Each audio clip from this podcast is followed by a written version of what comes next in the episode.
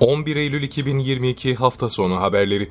Barış Pınarı bölgesine saldırı hazırlığında olduğu tespit edilen iki PKK-YPG'li terörist etkisiz hale getirildi. Açıklama Milli Savunma Bakanlığı'nın sosyal medya hesabından geldi. Açıklamada kahraman Türk Silahlı Kuvvetlerimiz Suriye'nin kuzeyindeki teröristlere yönelik önleyici operasyonlarına devam ediyor ifadeleri kullanıldı.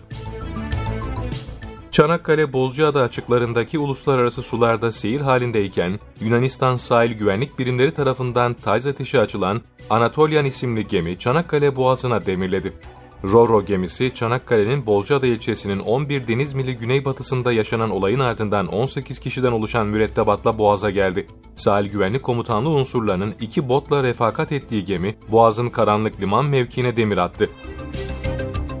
Okullar yarın açılıyor. İstanbul'da 3 milyona yakın öğrenci ve 163 binin üzerinde öğretmen eğitim öğretim yılına başlayacak. 16 bin servis yollara çıkacak. İstanbul'da eğitim öğretim yılının sorunsuz başlaması için yoğun tedbirler alınıyor. İlk gün sabah 6 ile öğlen 14 arasında tüm toplu ulaşım araçları ücretsiz hizmet verecek.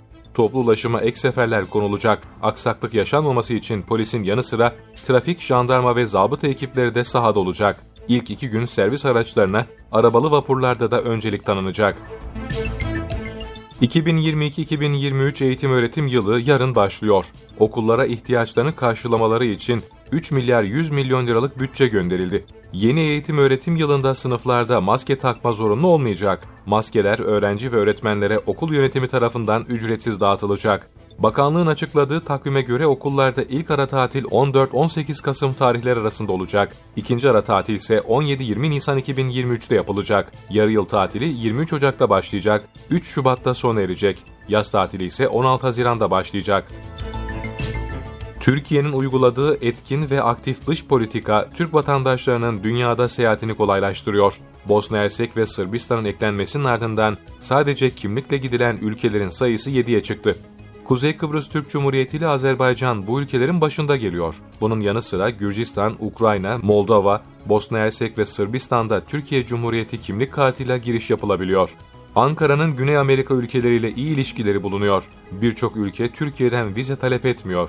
Bu devletler arasında Arjantin, Brezilya, Bolivya, Uruguay, Venezuela ve Şili de yer alıyor.